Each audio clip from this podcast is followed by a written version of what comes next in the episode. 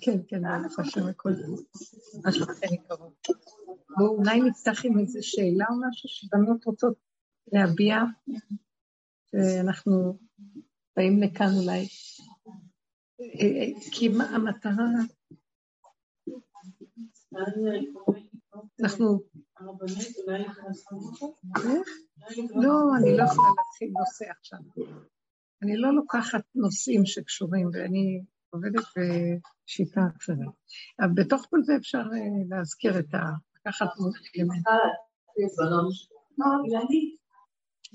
לא, זה בסדר, חמודות.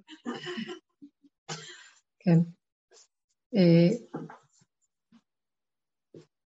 אנחנו, השם נותן לי בכל קבוצה את הדיבורים המתאימים לקבוצה, אז שמתי לב לזה. ולכן, אה, כן, כי פה זה יכול להיות שונה ממקומות אחרים. בכל אופן, תמיד יהיה אותו אלמנט, הרבה אלמנטים מהנקודות של הדרך שהם חוזרים על עצמם. אנחנו במטרה של הדרך הזאת שאנחנו עובדים עליה, היא אה, להעביר את עצמנו לתכלית של כל הקיום פה עלי אדמות, שנשכחה מבני אדם. אנחנו רק זמני פה, זה גם בחיי האדם הפשוט, וגם בחיים של הכדור עצמו, התוכנית של הכדור. אני, הכדור, אני לא יודעת, אנחנו בשיטת עם ישראל לא חיים אחרי המחקרים אה, של המדע, ש, שזה מיליונים של שנים מודדים את זה וכן הלאה. אנחנו אה, הולכים לפי תוכנית התיקון של ששת אלפים שנה, כי ששת ימים עשה השם את השמיים ואת הארץ, אז היהודים הם אה, הולכים אחרי ששת אלפים שנה ולא יותר. למרות שיכול להיות שהגיל הכרונולוגי של החומרים פה, של האדמה וכל הלאה, יכול להיות גם מיליונים, כי אה, יש אין סוף עולמות. כתוב שהיה הקדוש ברוך הוא בורא עולמות ומחריבן לפני המציאות של עולם הזה שאנחנו נמצאים בו, אה, עולם הבראשית, תוכנית הבראשית שיש לנו. אה, מה הפירוש? הוא היה, אה, ברא כל מיני עולמות, והעולמות לא התקיימו כי הם היו הולכים ומרעים, עושים אה, רוע, היה בהם הרבה רוע. אפשר להסביר מדוע היה רוע בעולם, כל כך רוע, שהרוע החריב, כמו סדום. גם בתחילת הדורות, פה, באלפיים הראשונות של הקיום פה, אה, מה שנשאר מהעולמות הקודמים שהיו נחרבים, זה התשתית של הבריאה של העולם הזה. הוא לקח את התשתיות של הנשמות של העולם ההם, ושתל אותם בעולם פה.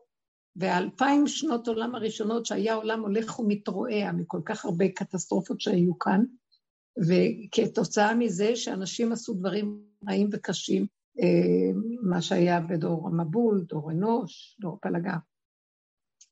שזה כנראה מהשורשים הקדומים של אותם אה, נשמות שהיו בדורות, שהקדוש ברוך הוא היה בורא עולמות ומחריבן. ועד שלא בא אברהם אבינו לעולם, שהוא התחיל, אבי יסוד עולם התיקון, שהיה עצה אחרי כל הקלקול הזה להביא אה, תיקון לקלקולים של העולם, כדי לייצב את העולם שלא יתרועע ויישבר כל פעם, ואז אין תכלית לעולם הזה שהשם ברא. אז באלף השלישי, שזה בתחילת, אחרי אלפיים שנות קלקול, אברהם אבינו הופיע בתחילת האלף השלישי, והצאצאים שלו קיבלו את התורה. אנחנו, עם ישראל, במתן תורה, קיבלנו את התורה, תוכנית התיקון של העולם. שזה כל כך יפה, החוכמה של אלפיים שנות קלקול, צריך להבין שזה, למה השם היה צריך לעשות את זה? בשביל מה היה צריך? אחרי שהוא הרחיב את העולמות האלה, לקחת את הבסיס הזה השלילי ולשים אותו פה. כי מהמכה עצמה הקדוש ברוך הוא מכין רתיעה. זה עניינו של השם, שזה מחשב, מחשבה אלוקית. שהמחשבה האלוקית לוקחת את נקודת הפגם, השלילה, וממנה היא יוצרת את הרפואה. אין יש מאין. זאת אומרת, יש כזה מצב, אבל השם אומר, לא, ממה שאני בראתי אין מה שנקרא בזבוז אנרגיה. אפילו השלילה של השלילה היא תשתית לעבודה שממנה אני אנפיק אה, חומר אה, טוב וזך לשימוש העולם. ועל כן היה חייב קודם כל את המכה, ממש, זה היסוד של ההומופתיה. קודם כל היה חייב את המכה אה, על מנת להביא אחר כך את הרתיעה, את הרפואה. ו, וזה, ועולם התיקון הוא עולם הרפואה. זאת אומרת, איך לרפא את העולם ההרוס של השם? על ידי הדינים, החוקים, הגדרים והסייגים שנתנו לעולם, נתנו ליהודים, שישליטו בעולם על ידי עבודתם את הצמצום. מה קרה באמת, שזה יסודו של אה, השורש של עץ הדת, שזה העולמות שנחרבו, זה היסוד הזה, וזה נשקל גם בגן עדן, בעולם של בראשית שהשם ברא. ברא עולם בראשית חדש של תיקון, והוא שם באמצע הגן אה, שתי עצים, עץ הדעת טוב ורע ועץ החיים, ועץ הדעת הוא סגר אותו, אומר אל תיגעו בו. מכל עץ הגן כן יש לכם הוראה לאכול, תשתמשו בכל הבריאה. מזה אל תשתמשו. אז למה הוא שם אותו? למה היה צריך לשים אותו שם? לכסות אותו ולהגיד לא, לא להשתמש, אל תשים ונגמר. אה, כי כל עלילת הדברים הייתה, כי מהבסיס הזה ממנו ניקח לעבוד את השם. כמו שמשה רבנו, כשהוא בא לפרעה ואומר לו, תוציא את עם ישראל לשלושה ימים לחוג במדבר, להקריב קורבנות להשם. אז הוא אמר לו, למה אתם צריכים את הקורבנות? שילכו הגברים. הוא אמר לו, נצא גם עם אנשים, וכולם הולכים לחגוג, גם הצאן, ניקח גם את הצאן. אז הוא אומר לו, אז למה אתם צריכים את הצאן? כי הצאן, ממנו ניקח לעבוד את השם. רוצה לומר שדווקא מהבהמה ניקח לעבוד את השם. אנחנו צריכים גם את כוח הבהמה שבתוכנו, שיצא איתנו, כי ממנו אנחנו הולכים להפיק תועלת ועבודה, לא רק מה... ילכו נא הגברים כביכול לדעת, והחשיבה והלימוד, לא, קחו אנחנו רוצים גם את החלקים הנמוכים והחלקים השפלים שבאדם, כי מהם אנחנו בעצם נותנים אה, מזון לדעת לעבוד.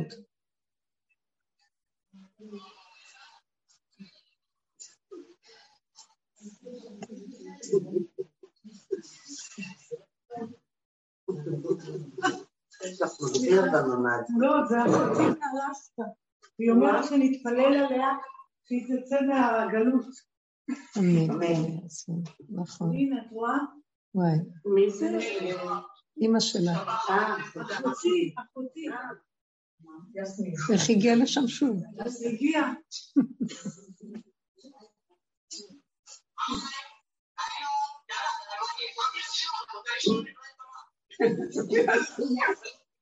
טוב, אז אנחנו נמשיך. בכל אופן שהיא תשתוק אז היא תשמע.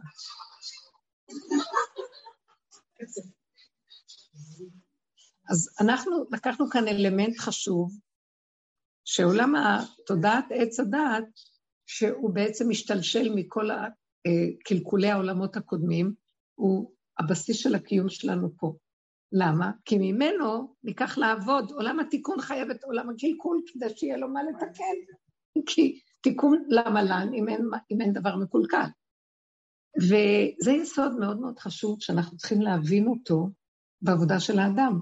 אם אין נפילה, לא יכול להיות גם עלייה. אם אין פגם, לא יכול להיות גם יתרון. אם אין חיסרון, לא יהיה יתרון. וכמה האדם שבור מהמצב של חיסרון, או של פגם, או של אה, שבירה, וזה, זאת העבודה שלנו באמת. אז אם כן, הראשית של התיקון, הלוא עץ הדעת היה נחשב טוב ורע, עץ הדעת טוב ורע. הוא אומר לו, מכל עץ הגן תאכלו, מעץ הדעת טוב ורע אל תאכל, כי עץ הדעת יש בו טוב ויש בו רע. אז אולי נאכל מהטוב, למה? אולי הטוב שבו בסדר, למה לא נאכל מהטוב שבו? אז הוא אומר, כל עץ הדעת אל תאכלו ממנו, טוב ורע, כי גם הטוב שלו הוא גם משורשו של עץ הדעת. מה שורש של עץ זה? מה יסוד הקלקול בעץ הזה? שהוא עץ הדמיון. הוא סובר שיש לו מציאות עצמית בפני עצמו ולא רואה את מציאות השם. בואו נחזור עוד פעם ונאמר. זה, תתרכזי ותזמי. בואו נאמר כך, שכאשר השם ברא את העולמות הראשונים, האור שלו היה מאוד מאוד גדול.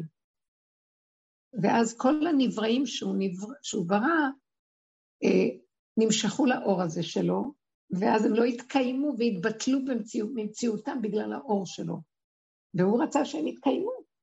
אז לא היה להם קיום בגלל גילוי האור הגדול שלו. ועל כן היה צריך לצמצם את אורו ולהחשיך את המציאות, כדי שעל הבסיס החשוך הזה יוכל להתקיים. החומר, יסודו חשוך לעומת הדת. אז החומר, הוא לא יכול להתהוות אם לא יהיה חושך. העובר נוצר במצב תנאים של חושך. הרבה דברים נוצרים בתנאי מעבדה. אה, הצילום גם, אתה לא יכול, אם לא חשוך, להוציא ממנו את... צריך את, את החושך על מנת שיהיה לו קיום, כי האור מבטל אותו. אז בסופו של דבר, מרוב שנהיה חושך, שהשם צמצם וצמצם את תורו, החושך הזה יצר מציאות שאין אלוקים. אז שלום. ואז כל אחד יעשה מה שהוא רוצה בעולם. זה יסוד הקלקול שהיה. למה הוא צמצם את עצמו? לא, לא הבנתי. כי האור שלו, הוא היה בורא עולמות, וכמו שהיה בורא עולמות, בוא נגיד, אה, זה כמו תינוק, שהוא רק נולד, הוא ישר שואף להתחבר עם האמא. מאוד קשה לו לעמוד בפני עצמו ולהיות מציאות בפני עצמו. הוא מתבטל אליה, הוא מתבטל לעולם, מתבטל לקיום. כי הוא רוצה לחזור למצב שלה. מי יתנני ערכי קדם? מי ייתן לי לחזור למצב של העובריות הראשונה? לא רוצים להיות פה, זה כיף. ועכשיו נולד לעולם הזה, הוא צורח, מפרפר, הוא לא רוצה להיות פה באותו רגע. זה זעזוע בשבילו. אז זה היה מקום שהשם היה צריך אה, ל- ל- להזיז את אורו. דרך אגב, זה יסוד מאוד מאוד גדול בנושא של תיקון העולם. תיקון העולם דורש שהאור האלוקי יהיה חשוך. אי אפשר לתקן באור. ברגע שיש אור, קשה לתקן. צריך שיהיה חושך על מנת שתיווצר תיקון. זה כל הגלות, כל הסבל, כל היצורים, כל המציאות של אה, שעבוד מלכויות והתלאות שעם ישראל עבר בכל הגלויות, כי זה גופה, רק ככה עושים את התיקון. אי אפשר לעשות את התיקון באור, כי היה מתבטל התיקון, כי כל אחד היה שואף, אה, קלטה נפשי להשם ונגמר העסק. צריך שיהיה מניעה של השם, אין השם, כביכול. הסתרה גדולה על מנת שבחושך הזה יוכל להתבצע תהליכים. אז הם נכנסו בעץ הדת ואכלו ממנו, והעץ הדת שאכלו ממנו התערבב. את טוב ורע התערבבו, ועכשיו העולם, מה זה התיקון? לבוא לתקן את עץ הדת. דרך אגב, אומר הארי הקדוש שעץ הדת, עץ החיים הוא, הוא עץ הדת. רק זה בענפים שלו וביציאה וההתרחבות וההיפרדות מהבסיס אם, ועץ החיים הוא, הוא הבסיס, הוא הקרקע ויסוד של הבסיס הנכון. בכל אופן, עכשיו שהתפרד הכל, והטוב והרע התבלבלו בעולם, החלק הראשון של התיקון שעם ישראל בא לעשות בעולם, זה עולם הבירורים, מה טוב ומה רע, לעשות סדר ביניהם. מה טמא, מה טהור, מה מותר, מה אסור, מה כשר, מה פסול, שישה סדרי משנה, שכל הזמן צריך כל הזמן לברר ולעשות עבודת הבירורים. אבל עדיין אנחנו בעץ הדעת, שמתם לב? אנחנו בשישה סדרי משנה עם תורה, שאנחנו מתקנים בה, אבל היא מתקנת בתוך עץ הדעת. וכשהיא מתקנת בעץ הדעת, היא משתמשת בשכל של עץ הדעת. היא חייבת גם כן להשתמש בכן ולא, וטוב ורע, ונכון לא נכון, ודבר והיפוכו, והספק ביניהם, ואז כל הקושיות והשאלות, ואז ה, אה, מה שנקרא מחלוקת של חכמים, זה כל הבלגן שכל הזמן יש, כי זה הם עדיין בתודעת עץ הדעת. ואולי לא יהיה את זה? לא, זה, זה מה שרציתי להגיד. מה אנחנו עושים בשיעור הזה? בשיעור הזה מתבצרת לנו דרך שהיא מבית מדרשו של אליהו הנביא ורב אושר מיסודה, על שם טוב דוד המלך מיסודו, יסוד הארי הקדוש, שהוא דיבר על היסוד של עץ הדת, שבעצם אנחנו חייבים להתעורר מתרדמת עץ הדת. אבל בכל אופן עם ישראל עשה כבר תיקון לעץ הדת, הוא הזיז את העולם מהרע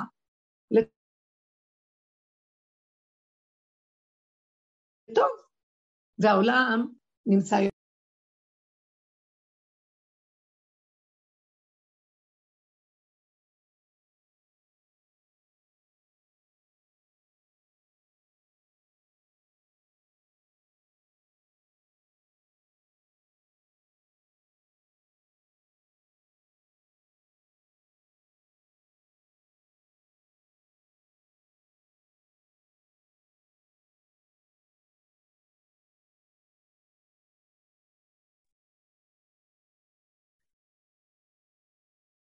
מחילה, לא שומעים. עדיין האדם מבין שהוא מציאות בפני עצמו, כי הוא לא רואה את השם. עדיין אנחנו בגלות עם כל החיוביות בעץ הדעת טוב. אנחנו אנשים שיש לנו מוסר, שיש לנו הלכות, שיש לנו ברור מאוד גדול מהפסור מרע ועשה טוב, וזזנו מהטמא, ואנחנו לא מרשים לעצמנו הרבה דברים, כן, כפי חוק התורה, אבל עדיין אנחנו מלאי אגו, מלאי ישות, חרדות, פחדים, כאבים, או גאווה, שלטנות, אה, כוחנות וכן הלאה, והשם לא יכול להתגלות בתוך עץ הדת. אפילו שביררנו אותו. אז למה ביררנו? כי העולם נעשה מקום שאפשר לגור בו, והיה אפשר לגור בעולם קודם. היה כל הזמן קטסטרופות, מה ערבוביה של הטוב והרע, והרע השתלט. אז לפחות העולם נכנס למצב של, של סדר, אז מצד העולם מול העולם, זה מעלה גדולה. אפשר לחיות בעולם, אבל כולם מחפשים בורא עולם. יש עולם, אבל אין שם בורא עולם, הבנתם? כולם מתגעגעים למשהו שלא מצליחים למצוא אותו עדיין. אנחנו כולנו חיים עם ספריות, ועם סדרים, ועם מוסר, אבל באמת המוסר הוא חיצוני. תודעת עץ הדת היא דמיון. גם מה שעשינו בבירור שלו הוא עדיין דמיון. כי רגע אחד יכול לבוא לי איזה אינטרס שיכול להתגבר על כל החוק, ואני אגניב ואעשה מה שאני רוצה בחוק, בלי שמישהו ידע, אלא אם כן גם יש לי מוסר גבוה. וגם אם יש לי מוסר גבוה, אז אני עדיין אחזיק שאני צדיק ואני טוב, ואני אפחד שהשם לא יכה אותי. יש לי פחד מאותו בורא. למה אני צריך לפחד מאותו בורא? בגלל שאני מפחד לחטוא. אז אם השם היה מתגלה ועוזר לי, ו- ומראה לי את האור המתוק שלו, הייתי יכול להתפתות עם מישהו שיפיל אותי, הייתי יכול לפחד מישהו שיהרוג אותי, מה אכפת לי? אני קשור איתו יתברך. אז יש עדיין פחד כל הזמן. הפחד הזה מהשני עושה גנבות דעת וכן כל מיני דברים. וגם, הפחד הזה גורם שאני אתחנף לשני ואני אשתעבד לו, ואני אריץ איזה נקודות אצל האדם, ואז אני אשכח מהשם. גם אם אני באמת עובדת השם, אני אומר השם בשם שמיים שגור על פי כל הזמן, על פי היהודי, השם שמיים שגור על פינו כל הזמן. באמת זה רק מהשפתיים. כי אם אני רגע מתחנף לאיזה בן אדם, מה אתה מתחנף לבן אדם? הוא רק אדם, ואילו השם הוא העיקר, לא? כי זה ידוע לי, אבל במציאות אני רוצה ממנו איזה טובת הנאה, ואני מפחד שהוא לא יאהב אותי, ואני רוצה לרצות אותו, אז אני בעצם משועבד לו, ורק במוח שלי יש עדיין את השם, בידיעה, אבל זה לא השווה אל הלב, אני לא חי את מה שאני יודע. נמצא שאנחנו עדיין בגלות עם עולם התיקון, ויגיע איזה שלב שאנחנו נצטרך להיכנס במציאות שלנו ברמה אחרת, להפסיק את עולם התיקון גם, של עץ הדעת טוב ורע. כי עולם התיקון מן הרע לטוב ייגמר, ונתחיל לחפש משהו אחר. נפסיק לתקן. למה? כי באמת, באמת, באמת אין תיקון למצב הזה של עץ הדת, כי תמיד יהיה שם אגו, ותמיד השם שם בהסתרה, בגלל האני עצמי, דמיון ישות העצמי, אני הצדיק והוא הרשע, תמיד זה דבר מול דבר. אין לי את המקום שיש רק אין עוד מלבדו, זה רק יש לי ידיעה מזה ואני מדקלם את זה. זה מס שפתיים, אבל אין לי אותו באמת. אז יגיע הזמן שנגיד, טוב, אנחנו כולנו מיומנים ומלאי ספריות וידע ודעת והכל, ואנחנו באמת יותר טובים בעולם ממה שהיה פעם, מצד שני, השם עדיין אין לנו. ועדיין הטוב הזה הוא רק כאילו והוא מכוסה. כי באמת אני גם גונב, יש לי גנבת דעת, ויש לי אינטרסים, ויש לי שוחדים שונים, וזה הכל כל הזמן תלוי ועומד, ואני לא יכול להגיד שאני מושלם ב, אה, בשום צורה. אבל זה מכסה וכאילו נותן לי תחושה שאני צדיק ומושלם, והשני לא בסדר. יבוא הרגע שהשם יגיד, כן, גמרתם את עולם התיקון, ולקראת הסוף, בסוף עבודת עולם התיקון, חייבת להיכנס עבודה אחרת לגמרי. איך לפרק את דמיון האני של עץ הדעת ולהכיר שאין עוד מלבדו. איך מפרקים את דמיון עץ הדעת? וזה מה שאנחנו עושים בשיעורים האלה. שמים פנס בכל החיובי שלנו, בכל ההישגים שלנו, בכל הנאורות והיפייפות שלנו, ושמים עליה פנס ומחטטים בתוך החורים והזקים שלה ומגלים שזה לא כל כך טוב. אה, כמו שאמרנו, הרבה דוגמאות, שאני מביאה משהו לאיזה יולדת והיא אפילו לא פותחת לי את הדלת, או כמו שמישהו פגע בי, ואני באמת באתי אליו כל כך בטוב, אבל, ואני כל כך חושב עליו טוב, ולרגע אחד כשהוא פוגע בי, באותו רגע משתנה הכל ואני שונא אותו, איך יכול להיות לענל מה שהייתה לי לפני רגע, משמע שזה לא היה באמת, זה היה כאילו. כי יש תמיד איזה משהו נגוע פנימי, שאני לא יכול לוותר עליו, והוא המנחה אותי. ואם אני באמת הייתי מחובר עם השם, מה אכפת לי מה הוא אומר, לא אומר, זה עשה, לא עשה? מה זה קשור בכלל לכלום? האור האלוקי מכסה על כל המציאות הזאת, ועל כל פשעים תכסה אהבת אמת של השם. מה אכפת לי בכלל? אבל זה לא כך. אז אנחנו באים בעבודה הזאת ולוקחים את החיובי, וכולם יושבים במחנה הימני, החיובי, בואו נשים שם פנסים, ונשים שם, אה, נדליק אבוקות ונתחיל לראות מה הולך שם. יש שם הרבה שקר. ואנחנו לא באים בטענות לעצמנו, בהתחלה אנחנו נזדעזע, מה אני כזה? בטח, אני כל כך אוהבת את בעלי. מה את אוהבת את בעלך? אחרי רגע את מציקה לו פה, מציקה שם, אה, כי האהבה שלך היא אהבה שתלויה בדבר. את רוצה ממנו איזה משהו, ואז את אה, משחקת איזה משחק, עושה איזה דבר כדי שתוכלי לקבל איזה דבר אחר, זה חשבונאות. וכשאדם יתחיל להכיר את מציאותו, הוא יזדעזע מזה, וזה כל התהליך של העבודה הזאת, זה, זה תהליך השיבה לאחור, להכיר שבעצם עם כל העבודה הגדולה שעשינו, ביסודות שלנו נשארנו פגומים, וזה יסוד הפגם והחיסרון. אמנם בחוץ אנחנו מאופקים, ואנחנו מאופקים שלא להוציא החוצה. אתם יודעים למה? כי לא נעים לי מה יגידו עליי. כי אני לא רוצה לא להיות אהוב. אה, כי כל מיני אינטרסים ברמות שונות, אבל לא באמת לשמה. עכשיו, בתהליכים האחרונים יהיה מאוד מאוד קשה לבן אדם, זה בעצם התהליך של יום הכיפורים.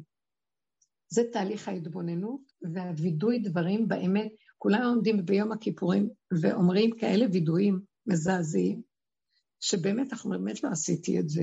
זה רק כתוב כי חז"ל כתבו, ואנחנו אומרים את זה, זה נוסח כזה. באמת הם לא היו כותבים שום דבר שזה לא אמת. אבל אנחנו כל כך מכוסים שלא יעלה על דעתנו שכל מה שכתוב שם, אם נתבונן בעצמנו טוב טוב, יש שם יסודות בשורשים שהם בדיוק מה שהגדירו פה. זה הווידוי של רבנו אה, ניסים גאון, שאומרים אותו אה, בראש חודש, יום כיפור קטן, בתפילת ראש חודש, לפני ראש חודש. ובמנחה של כיפור קטן זה נקרא, וגם יש כאלה בנוסח של עדות מסוימות שאומרים את זה ביום כיפורים. הוא אומר שם שהוא מביא, אה, רבי ניסים גאון היה רש גלות, הראש הגלות, בתקופות הישיבות אה, של הגאונים הראשונים, בבל וסורה פומבדיטה, כל התקופות האלה, ויש לו שם וידוי דברים שהוא היה אדם צדיק וגאון וקדוש וחסיד ומה לא, והוא בא להתוודות על עצמו והווידוי שלו מזעזע. שהוא אומר שהוא שחל ולא חכם, והוא, והוא טיפש והוא, והוא רשע ולא צדיק, כל מיני דברים קשים על עצמו. וכל מיני מעשים רעים עשיתי, וכל מיני דברים שלא יאומן, שזה לא יכול להיות שהוא עשה את זה, והוא אומר, ואני יודע שאני לא אומר מילה אחת של שקר. ואיך יכול להיות שהוא אומר דברים כאלה? אבל יש לו כזה פנס על עצמו, בחורים וזקים, שאפילו אם הוא עשה איזה משהו הכי קטן, נראה לו הדבר הכי גדול, אבל בכל אופן, אה, קטן גדול, מה זה משנה אצל השם? דין פרוטה כדין מאה, והוא דן את עצמו ברמות כאלה. והוא אומר שגם אפילו אני בשיעור שיר עליה, אני אחזור אלייך. בסדר? תודה.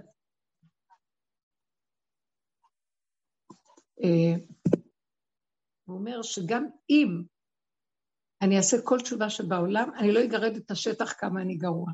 זה וידוי מאוד מאוד אמיתי. הוא אומר, ואם תמשיך לצרוף אותי כי אני כזה רשע, להכות בי, לא יעזור לך שום דבר, כי לא יישאר ממני מאומה ואני אמשיך לעשות את זה, כי אני כל כך תקוע ולא יכול אחרת. זה וידוי מדהים. אנחנו צריכים להגיע למקום הזה בעבודה שלנו, זה הסוף והתשתית. להודות על האמת, ולא להישבר ממנה, כי בן אדם נשבר. למה הוא נשבר? כי הוא רוצה, זה, זה השבירה של האדם מהשלילה שמישהו פוגע בו, או ממנו כשהוא מתבונן מעצמו לעצמו, וזה שובר אותו. זה ההוכחה של הדמיון של הישות העצמית שהוא חי בו. לא נעים לו, מה לא נעים לך? זאת האמת שלך, תודה באמת ונגמר. לא נעים לי, כי אנחנו כל כך נגנבים על החיובי ועל הצדקות, שזה מאוד מאוד קשה.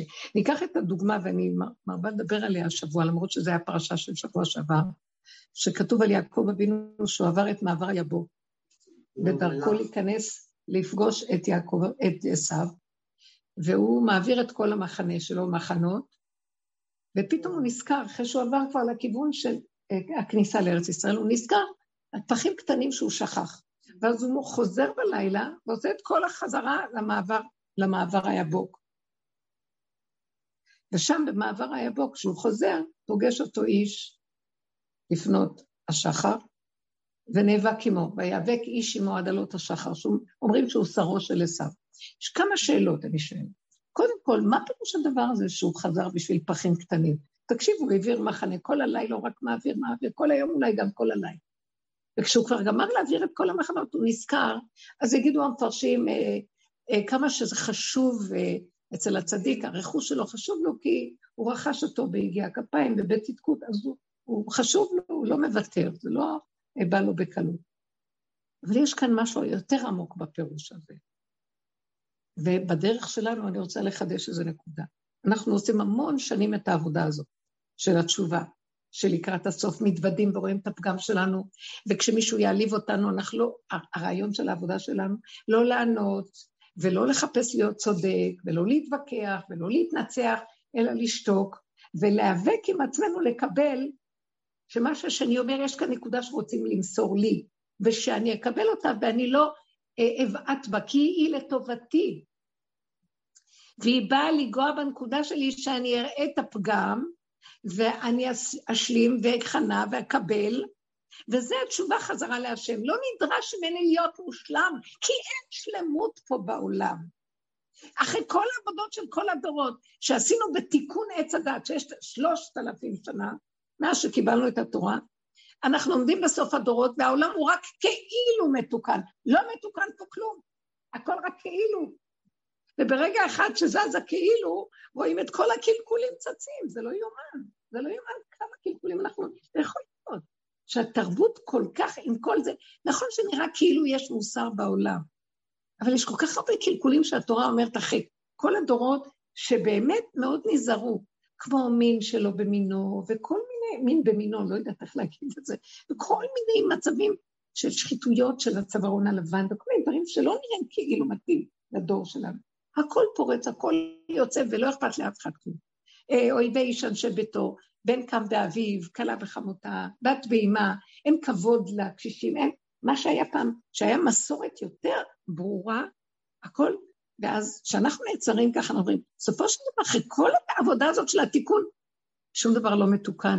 בסופו של דבר, אני, כל העבודה שלי, כל השנים שאני עובדת על, לא אני, אנחנו עובדים על הצדקות, אנחנו עומדים ביום כיפור, ותראו איזה דברים נוראים אנחנו מדברים על עצמנו, אז איפה כל מה שעשינו? כי זה רק כלפי חוץ, ובפנים באמת התשתיות יישארו רקובות כל הזמן. למה? כי השם רוצה את הפגם, את ההודעה בפגם, והוא לא רוצה אפילו, הוא לא רוצה שנתקן את זה אפילו, הוא רוצה שלא נקלקל אחד לשני פה, כי אפשר יהיה לחיות. זה כן, שהשני לא יהיה ניזוק מהפגם שלי, אבל ביני וביני תמיד הוא יישאר. עכשיו, יעקב אבינו חוזר מחרן ועובר את מעבר היבוק. שוכח פחים קטנים. מה המשמעות הזו? הוא חוזר לקחת אותה. אני מסתכלת על העבודה שלנו, אנחנו כל כך הרבה עבודה, כי עיקר העבודה שאנחנו עושים היא עדיין לא בארץ ישראל, אנחנו לא בתודעת עץ החיים, אנחנו בתודעת התשובה בתוך עץ הדעת להכיר שכל מה שעבדנו, לא נגענו עוד. ביסודות של האדם, האגו עדיין קיים, הישות העצמית היא זאת שמכאיבה לו, אם זה, אם זה השני, אם זה דמיונו התדמיתי על עצמו, אני הייתי צריך להיות כזה ותראו מה אני, אני לא כלום, ואז הוא מבוהל שלא יאהבו אותו, ואז הוא אחוז אה, במאוימות של העולם, ורוצה כל כך אה, לרצות וכל זה. אז הבן אדם הזה אומר, איזה מין סוג של אדם אני, שאני כל כך מבוהל שהוא אמר לי מילה, אני כבר מתמוטט, לא ישן כל הלילה. ואיזה מין דבר אני, שאני רואה את עצמי קורבני כל כך, כי אני חושבת שההוא ייתן לי אהבה אם אני, אז אני אתקרבל לפניו. אה, למה אני תלוי בשני שהוא ייתן לי אהבה? איזה מין, איזה מין חיים אנחנו חיים? כל הזמן תלויים בדברים ומתים מפחד לא לפגוש, אה, רק שלא ייקחו את הדבר שאנחנו תלויים בו. בטל דבר, בטלה אהבה, בטלה השירות, כל הזמן אנחנו חיים בפחד על הקיום, ותלויים בממון הזה, והכל ריק שם. לקראת הסוף, עכשיו, עכשיו, הוא עובר את מעבר הירדן ונכנס לארץ ישראל. הוא שוכח פחים קטנים. הוא חושב שהוא כבר עשה את העבודה, הוא חושב שהוא כבר מסודר, הוא חושב שהוא עשה עבודה, ובאמת העולם מקולקל, והוא עשה עבודה, הוא כבר עשה תשובה, אה, והוא חייב אה, להיזהר מהעולם, כי אין סוף לזה, והוא כבר חושב את עצמו טוב.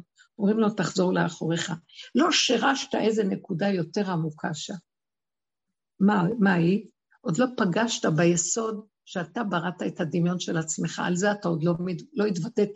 לא התוודית שאתה רואה את כל הרע שאתה רואה בעולם וברחת ממנו, ואתה רואה שגם אתה, זה גם אתה, נכון, אבל בכל אופן, אתה כבר משהו אחר והם, לא, לא, לא, אתה לא רואה שאם הם עדיין ברע, זה ממך נובע. אתה צריך לשרש את הנקודה ולהיכנע עד הסוף ולהגיד, אני לא יכול לתקן יותר, ולעולם שאני אשאר ככה, ואין לי תקנה ואין לי כלום, וברגע אחד שאתה מודה, באמת נעלם הדמיון, ונעלם עץ הדעת. אתה לא מספיק שרשת להודות עד הסוף באמת. שרו של עשיו מסמל את הדמיון של האדם. אנחנו בראנו לנו כזה דמיון, שהלבשנו אותו גם על אלוקים. ואנחנו גם מפחדים מהאלוקים. שיעניש אותנו, וזה הכל דמיון של עצמנו באמת. לא, לא האלוקים מעניש, כי חטאתך תייסרק, כתוב במשלי. החטא של האדם והחיסרון שלו חוזר אליו, וזה מה שמפליק לו ומכה אותו. זה מפי עליון לא תצא הרעות והטוב, כך כתוב במגילת איכה. השם יושב ואומר, זה לא קשור אליי, זה קשור אליכם. אתם אה, יצאתם מנקודת האמת, וכדור השלג מתגלגל, והוא נהיה יותר גרוע, יותר גרוע, יותר גרוע, וככל שהוא גרוע אתם גם מתנהגים לפי הגריעות, והתרחבתם והתרחבתם, זה הבעיות שלכם עם עצמכם. אני לא יכולה לעזור לכם עד שאתם לא תראו שזה אתם, ותעמדו ותתוודו, כי לתקן את זה כבר בלתי אפשרי. אי אפשר לתקן את זה. זאת אומרת שתכירו שאין לכם את ה... לפעמים אנחנו, יש לנו, בואו ניקח את זה במעשיות. עומד יעקב אבינו, ואיזה איש נאבק עמו. אני יודעת שהמקום הזה זה יסוד של שרו של עשיו, אחיו של יעקב, שהוא בתוך מציאות יעקב אבינו. זה המאבק הגדול שהיה לו. להכיר בעצם שהוא אדם שמפחד, הלא כתוב שהוא מפחד, זה לפני שקרה הסיפור הזה, כתוב וישלח יעקב מלאכים, שהוא רואה שעשו הולך לקראתו, מת מפחד, מת, לא יודע מה לעשות. מי הוא כולו עשו? ועוד השם מתגלה אליו כל כך הרבה פעמים בחלומות ומבטיח לו כל כך הרבה דברים, ועם כל זה מת מפחד. והוא נודר נדר בפרשה הקודמת, השם מתגלה לו בחלום, ואומר לו, אני איתך ולא יעזוב אותך בסולם יעקב. אחרי שהוא מתעורר, הוא עושה נדר, אם השם יהיה איתי ולא יעזוב אותי, וייתן לי זה וזה, אז אני אתן לו, אה, אז אני, נודר נדר. אבל השם מסביר, אומר לך, אין לך גילוי, התפעמות של הגילוי שהוא נותן לך, הוא איתך, הוא ישמור עליך. למה אתה כל כך מפחד? הפחד של האדם הוא נובע מהדמיון של עצמו מתוכו. עד שהוא לא ישרש את הדמיון הזה, אין סוף לפחד. זה דבר שאי אפשר להעריך, להכיל את זה. ואני רואה שמה שעשו ליעקב אבינו, שהחזירו אותו, זה, הוא כבר חושב שהוא יכול, כבר יש לו תקנה, כי הוא עשה תוכנית, הוא יתפלל, הוא ישלח דורון, הוא אה, יעמיד איזה אה, אסטרטגיה מלחמתית, אז יש לו על מה לסמוך. אה, הוא חוזר בחזרה, ואומרים לו, לא, תעמוד עוד פעם מול היסודות של עצמך. אתה חושב שבשטיקים האלה תוכל לעצות. נכון, אני אומר, זה דרך העולם, אז אני אעמוד מול דרך העולם. לא. בשנייה אחת שהשם יתגלה והכול מסדר לך. אבל הפחד שלך עוד לא נגעת בו כראוי, על מנת שהוא יתגלה ולא יהיה כאן שום דבר. אז מעמידים אותו מול המאבק הזה. זאת אומרת, בין המעבר של עץ הדעת טוב, שזה יעקב אבינו מסמל את הצדיק הטוב הזה, לבין הכניסה לארץ ישראל, כניסה לגאולה, תיקון, סוף עולם התיקון. עץ החיים, זה, זה האור החדש על ציון תאיר, חייב להיות המאבק מול שרו של עשיו. זה מה שאני רוצה להגיד. חייבים להגיע למדרגה של התבוננות ביותר עמוקה, והכרת אמת שאין לי תקנה ואני רואה מה רוצים ממני, ואני אדבר על הנקודה הזאת, זה ממני, זה מה שאני מציעה לכם, זה מאיתנו כולנו. מה רוצים מאיתנו? אנחנו מושתתים בעץ הדת על דמיון ההיגיון. אנחנו, יש לנו שכל מחשבתי של עולם, זה וזה שווה זה. שכל השכלתי, הגיוני, חשיבתי, אה, באמת באמת זה שכל דמיוני. העולם של השם, שהוא מתחת להיגיון, בתשתית הנכונה פה, הוא בכלל לא הגיוני. אין שום היגיון ואין שום סדר בחשיבה, ואין שום אחד ועוד אחד שווה. מה שבשנייה יכול לעשות את כל הישועות והדלתות ייפתחו. ולא חשוב מה ניקח אסטרטגיות ומה נעשה אמצעים ועבודות כסדר העולם, זה לא יעבוד.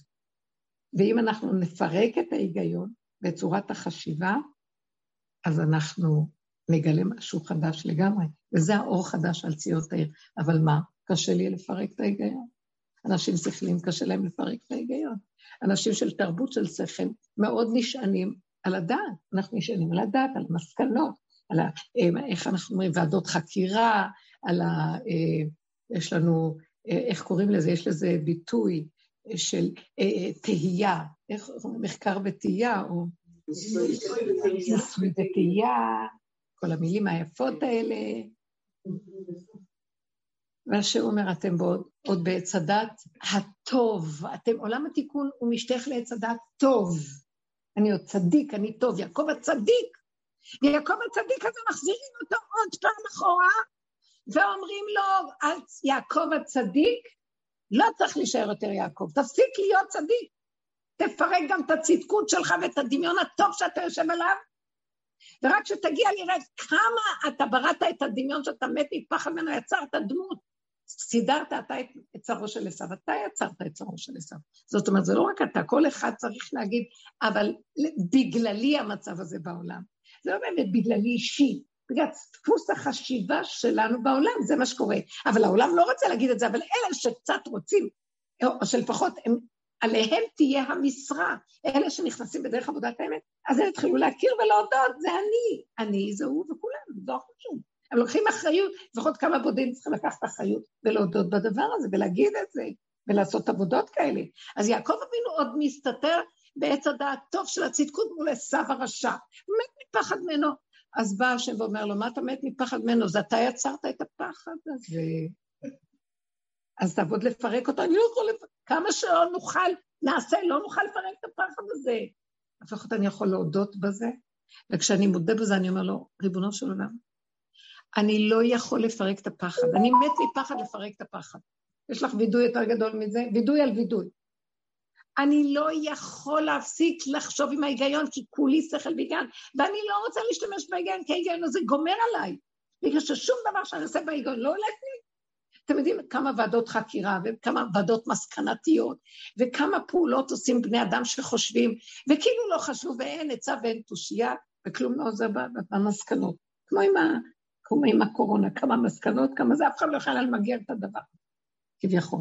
זה, זה, זה דבר שזה רק מראה שאנחנו בתוכנת דמיון של כאילו יודעים וכאילו יש לנו אה, היגיון ושכל, והשכל פועל, והוא זה שמחזיק את כל המערך פה. מה אתה חושב, שזה לא השכל שעושה את זה?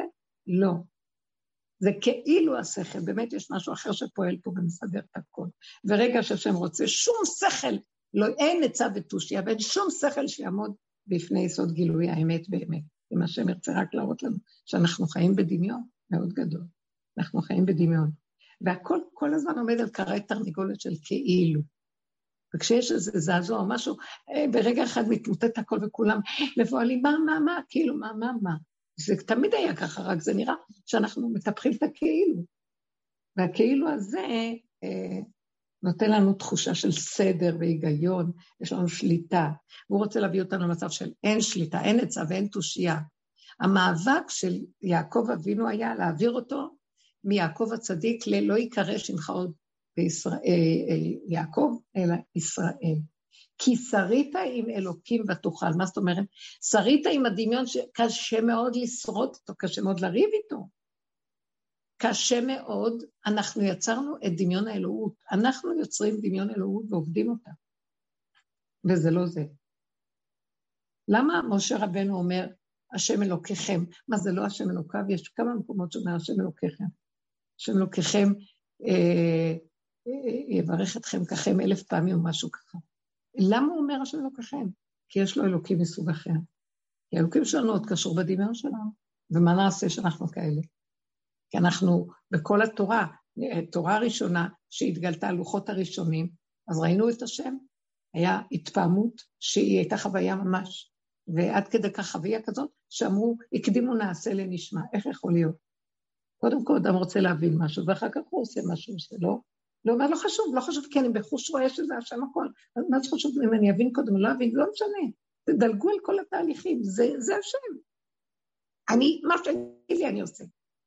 אחרי זה המדרגה הזאת נפלה, ואז נשברו הלוחות. והם לא האמינו ולא קיבלו, ואחר כך, מה שאנחנו עכשיו עובדים זה עם הלוחות השניים, עם השבירה, מהמקום הזה שאין כביכול השם. ואני כל הזמן רק אומר השם, השם, כתוב בתורה השם, כתוב השם, ויאמר השם למשה, וידבר השם, אה, ויאמר השם וכן הלאה. אה, אבל זה רק בדעת שלי, כאשר במציאות שלי אני מלא חרדות, פחדים, קנאה, שנאה, נתקימה ונטירה, ותהיות ובהיות, וחוסר אמונה מוחלט, רק כאילו יש לי אמונה, ויש ספרים שלמים במדפים של הספרייה של אמונה, אבל באמת בא הניסיון הכי קטן, מראה לי את כל החרדה שלי, ואין לי שום אמונה. אז המקום שלנו לקראת הסוף לעשות את העבודה הזאת, ולקראת הסוף של הסוף של העבודה הזאת, וזה החידוש שרציתי להגיד, אה, יחזירו אותנו אחורה. כאילו לא עשינו עבודה, ויגידו לנו, תחפרו קצת יותר לעומק. תחפרו לעומק! תחפרו יותר לעומק, החזרתי אתכם, כי אתם עוד לא הודיתם מספיק שאתם כלום שבכלום. גורנישט, מתגורניקסט, כלום שבכלום. אין כלום. זה דמיון שאתם עם הישות עדיין, עם כל העולם התיקון שעשיתם. כמה תורה למדו, כמה צדיקים, כמה כלום. למה אין גאולה? אני רוצה לשאול שאלה. למה אין גאולה? יותר מהתורה שלמדו. כי התורה עוד בתורת עץ הדת, היא עוד נלמדת בשכל. יש בה טוען וניתן, ויש בה ספק, ויש מאבק ומחלוקת בין זה לזה, וזה מצד המעלה, כן? כי יש דעת, וצריך לחלוק, וצריך להבין, וצריך לעבוד. אבל גאולה אין מזה. מה זה גאולה? גילוי השם, תזוזת עץ הדעת, וכל מחלקותיו, וגילוי ההשגחה בצורה של אה, נעשה ונשמע. למה אין את זה? כי זה לא יבוא מהשכל של עץ הדעת. צריך להזיז את החכמים ואת שכל עץ הדעת. זה לא נשמע טוב. זה לא שיזיזו אותם, הם יצטרכו בעצמם להכיר למה כל החכמים מחכים. למה לא עושים דברים שהם יעשו? למה לא בונים, אה, למה לא מקימים את הסנהדרין? כי אה, אין לנו אה, רשות, אה, איך זה נקרא? אין לנו רשות לשמיכה. אנחנו לא יכולים עוד לסמוך. החכמים, לא אנחנו, החכמים הקדושים, לא יכולים לסמוך 70 סנהדרין, 70 אה, חכמי הסנהדרין. השמיכה נגמרה בישראל מהדורות הראשונים, אה, מהגאונים או מלפני. אה, למה לא בונים את בית המקדש? כי בית המקדש לא יכול להיבנות רק על ידי מלך ונביא. ויש כאלה, יש מחלוקת שזה רק מלך מספיק, או רק נביא, לא צריך את שניהם, ויש שאומרים, גם מלך וגם נביא. אז אה, החכמים לא מלך ולא נביא, אז מה עכשיו? מחכים. מחכים למלך ונביא. מה זה מלך? מלך זה אחד, זה האוטיסט של הבריאה, זה הג'וקר, זה הגולם. זאת אומרת, אחד שראה את הכלום של עצמו ונכנע. הוא לא בא מהמוח בכלל. המוח לא יכול לראות את הכלום של עצמו, אתם לא מבינים? כי המוח לשיטתו הוא מציאות. המוח המוח שאנחנו משתמשים בו, יש בו היגיון, יש בו אני, יש בו אתה, יש אני יותר חכם ממך, או אתה יותר ממני, לא חושב, יש מחלוקת. זה הדעת של האדם. מצד המעלה של הדת שיחלוקו וילמדו, ויהיה דעות שונות ויהיה סברות שונות, זה טוב. אבל מצד המלכות, הדת לא טובה. כי הדת יש לה כללים, ויש דרך איך היא נלמדת ביהדות. ואילו המלך פורץ גדר, אין לו כללים, אין לו כלום. אה, אסור שהדעת תפרוץ גדר. אדם שפורץ גדר, החכמים אומרים לו עונש. אתה לא יכול לפרוץ גדר. אז המלך בא מכיוון של שכל אחר לגמרי, מהשכל שלמטה, מהשכל שגמר על עצמו, רואה את הדמיון שלו, רואה את הפגמים שלו, רואה את הכלום שלו, וכלום לא הולך לו בו, הלוזר הכי גדול, נבזה בחדל אישים, והוא נכנע כל כולו, וכמו יעקב אבינו שעומד מול שרו של עשיו, הוא אומר, אני יצרתי את המפלצת הזו, ומה אני יכול לעשות עכשיו? רק להודות בפני השם שאני לא יכולה, רק אתה יכול, אבל הוא מודה שהוא יצר את זה, והוא לא יכול לעשות שום דבר. אדם כזה, ליבו נשבר בקרבו, זה היה דוד המלך. אה, חטאתי נגדי תמיד, בהמות הייתי עמך. ואני בר ולא אדע בהמות הייתי עמך. אני בר, לא יודע כלום. תקשיבו, הוא הגיע למקום שאף חכמי הסנהדרין בדורו לא יכלו להגיד את זה. וחשבו שהוא משוגע, מוזר. הוא מדבר, איזה מין מלך. זה המלך, אין מלכות בישראל כמו מלכות בית דוד, שהיא ביטלה את עצמה כליל, את כל עץ הדעת שלה. ואמרה, השם, אין לנו עצה ואין לנו תושייה. מה שלא עשינו בעולם התיקון, לא נגענו כהוא זה באמת במציאות. אמנם העולם קצת חי יותר טוב, אבל באמת, באמת עדיין אין גילוי להשם, כי גם החכמים חולקים, וכל אחד חושב שהוא יותר מהשני. אפילו אם זה לשם שמיים כביכול, אבל בכל אופן אין גילוי שלך.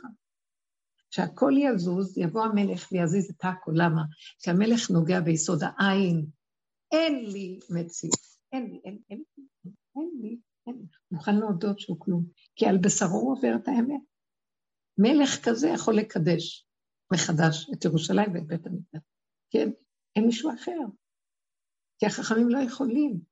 הם, החכמים, יושבים על סברות של סברות של סברות. זה אומר בכם, כי, כי, כי אי אפשר לחלוק על תנאים. והאמוראים לא יכולים לחלוק על תנאים, והסבוראים לא יכולים לחלוק על האמוראים, והגאונים לא יכולים לחלוק על הסבוראים, וה, והראשונים לא יכולים לחלוק על הגאונים. אין אפשרות לפרוץ את שלשלת המסירה, כי היא, מי שיותר קודם הוא יותר, הוא יותר באמת. אז איך אפשר, יותר נוגע ב, ביסוד התורה ש, של, של החוק הנכון, שיש כלים איך ללמוד אותה. מה יעשו? יבוא מלך ויפרוץ את כל הגדרות. איך יכול להיות? איך יכול להיות שאם זה מלך פורץ גדר, תקשיבו, זה דבר כל כך חכם, אבל המלך הזה זה רק מי שהולך בדרך שאנחנו יודעים עד הסוף. כל גליך ומשבריך עליי עברו, זה דוד המלך הדרך. זה עד הסוף, זה להישרף. זה לא שלא נשאר שום דבר. ואדם אומר, אה, טוב, נמות מרוב צער, כי כלום לא נשאר לי. ואז הוא אומר לא, לא תמות. כי מה, מה זה קשור? אתה לא, תודה שלא, ונגמר, למה אתה צריך למות? אם אתה עוד מיואש ורוצה למות ולהתאבד, חס שלום, אז סימן שיש לך עוד אגו, שאתה מצטער למה אתה לא היית יכול. מה אכפת לך יכול, לא יכול, זה לא קשור אליך, זה השם ואין עוד מלבדו, ואתה עפר ומתבטל, בטל ומבוטל לפני השם.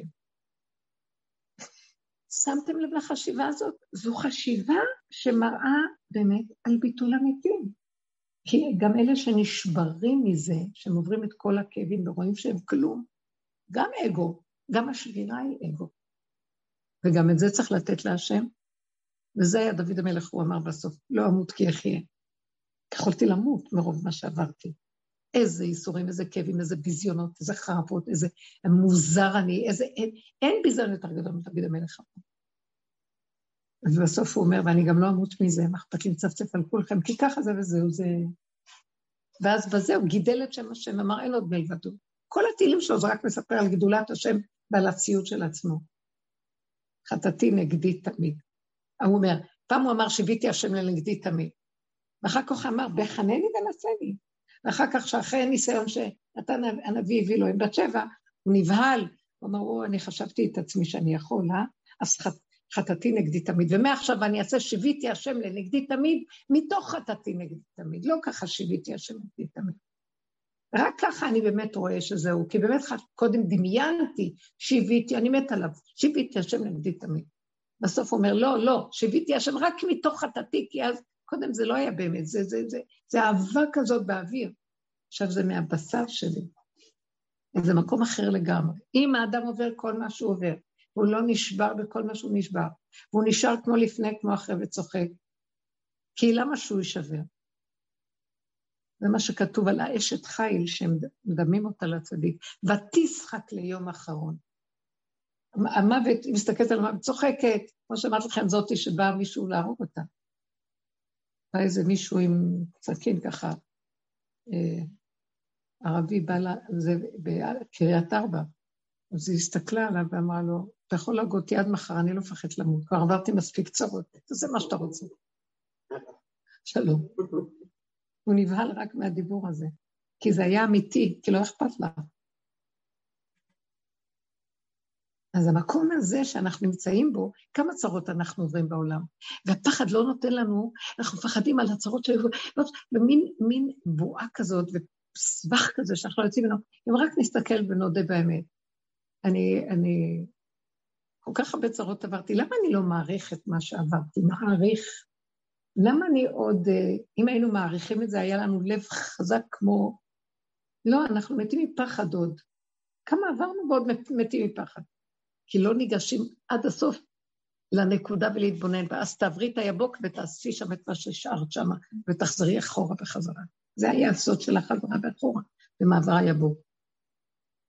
ואנחנו עוברים את זה גם בתהליכים שלנו, אתם רואים, כבר יש לי ייאוש, כמה עברנו ואותם.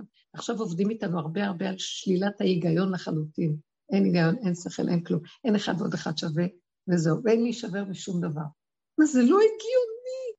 וגם, לא רק שאין היגיון, אין למה. למה זה קרה? אין למה, ככה. אין לחקור, אין לדרוש. אה, בואו נתקן, אין תיקון. אין, אין. אין שום דבר, ככה וזהו. מוכן להיות שמה? עכשיו, אני מוכן להיות שם, אבל אני רק מתקרב עוד פעם למה שהרגיז אותי, אני עוד פעם מתחיל לאדרנל. אני יכול להשתלט על האדרנל? כמה שאני לא אעשה עבודה ועם הזה, צריכה לתת לי פוטנץ, וגם אני לא אוכל. זה מאוד קשה. האדרנל פועל באופן ישר דפיקות לב על דבר. אז את זה הוא רוצה שאני אגיד לו שאני לא יכולה כלום. הגעתי עד הסוף ואני תקועה, ורק אתה יכול להזיז את זה. ואני מבקשת ממך, אם אתה יכול לתת לי אה, זריקת הרדמה ותוליך אותי בעולם מתוך זריקת הרדמה, כי אני לעולם לא אוכל להפסיק שהלב שלי יפוג כשמשהו מפחיד אותי. גמרנו. את זה הוא רוצה לשמוע. וכשאני חוזר ואומר את זה, אני לא אבוא בנרגנות ומרירות על שום דבר בעולם.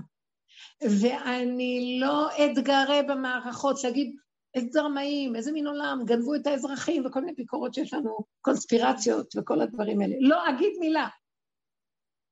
למה? כי זה לא ענייני בכלל. כי אני בדיוק אותו דבר. אני לא יכול להטיל אה, שום, לא יכול לבקר ולשפוט ולדון שום דבר. זה הרמה הזאת של הכנעה רוצים ממני, של מי אני שאני אבוא כלום, כי אני רגע אחד לא עומד בשום דבר גם כן. למה אני עמדתי בהרבה יותר ניסיונות מאשר העולם, ואנחנו הרבה יותר ערים ועבדנו הרבה, הרבה. אבל עדיין, אם לא נגעתי בנקודה שעם כל זה שעבדתי, כל רגע, כל רגע יכול הכל לקפוץ לי, אז אני לא יודעת. שרו של הדמיון שולט בי. אני חייב לפרק את שרו של הדמיון. עכשיו, כשיעקב אבינו ראה את כל זה וראה את הקצה שלו, הוא אמר, אין לי, אין לי, אין לי, אין לי תקנה. רק לנגוע ביסוד העין שלי.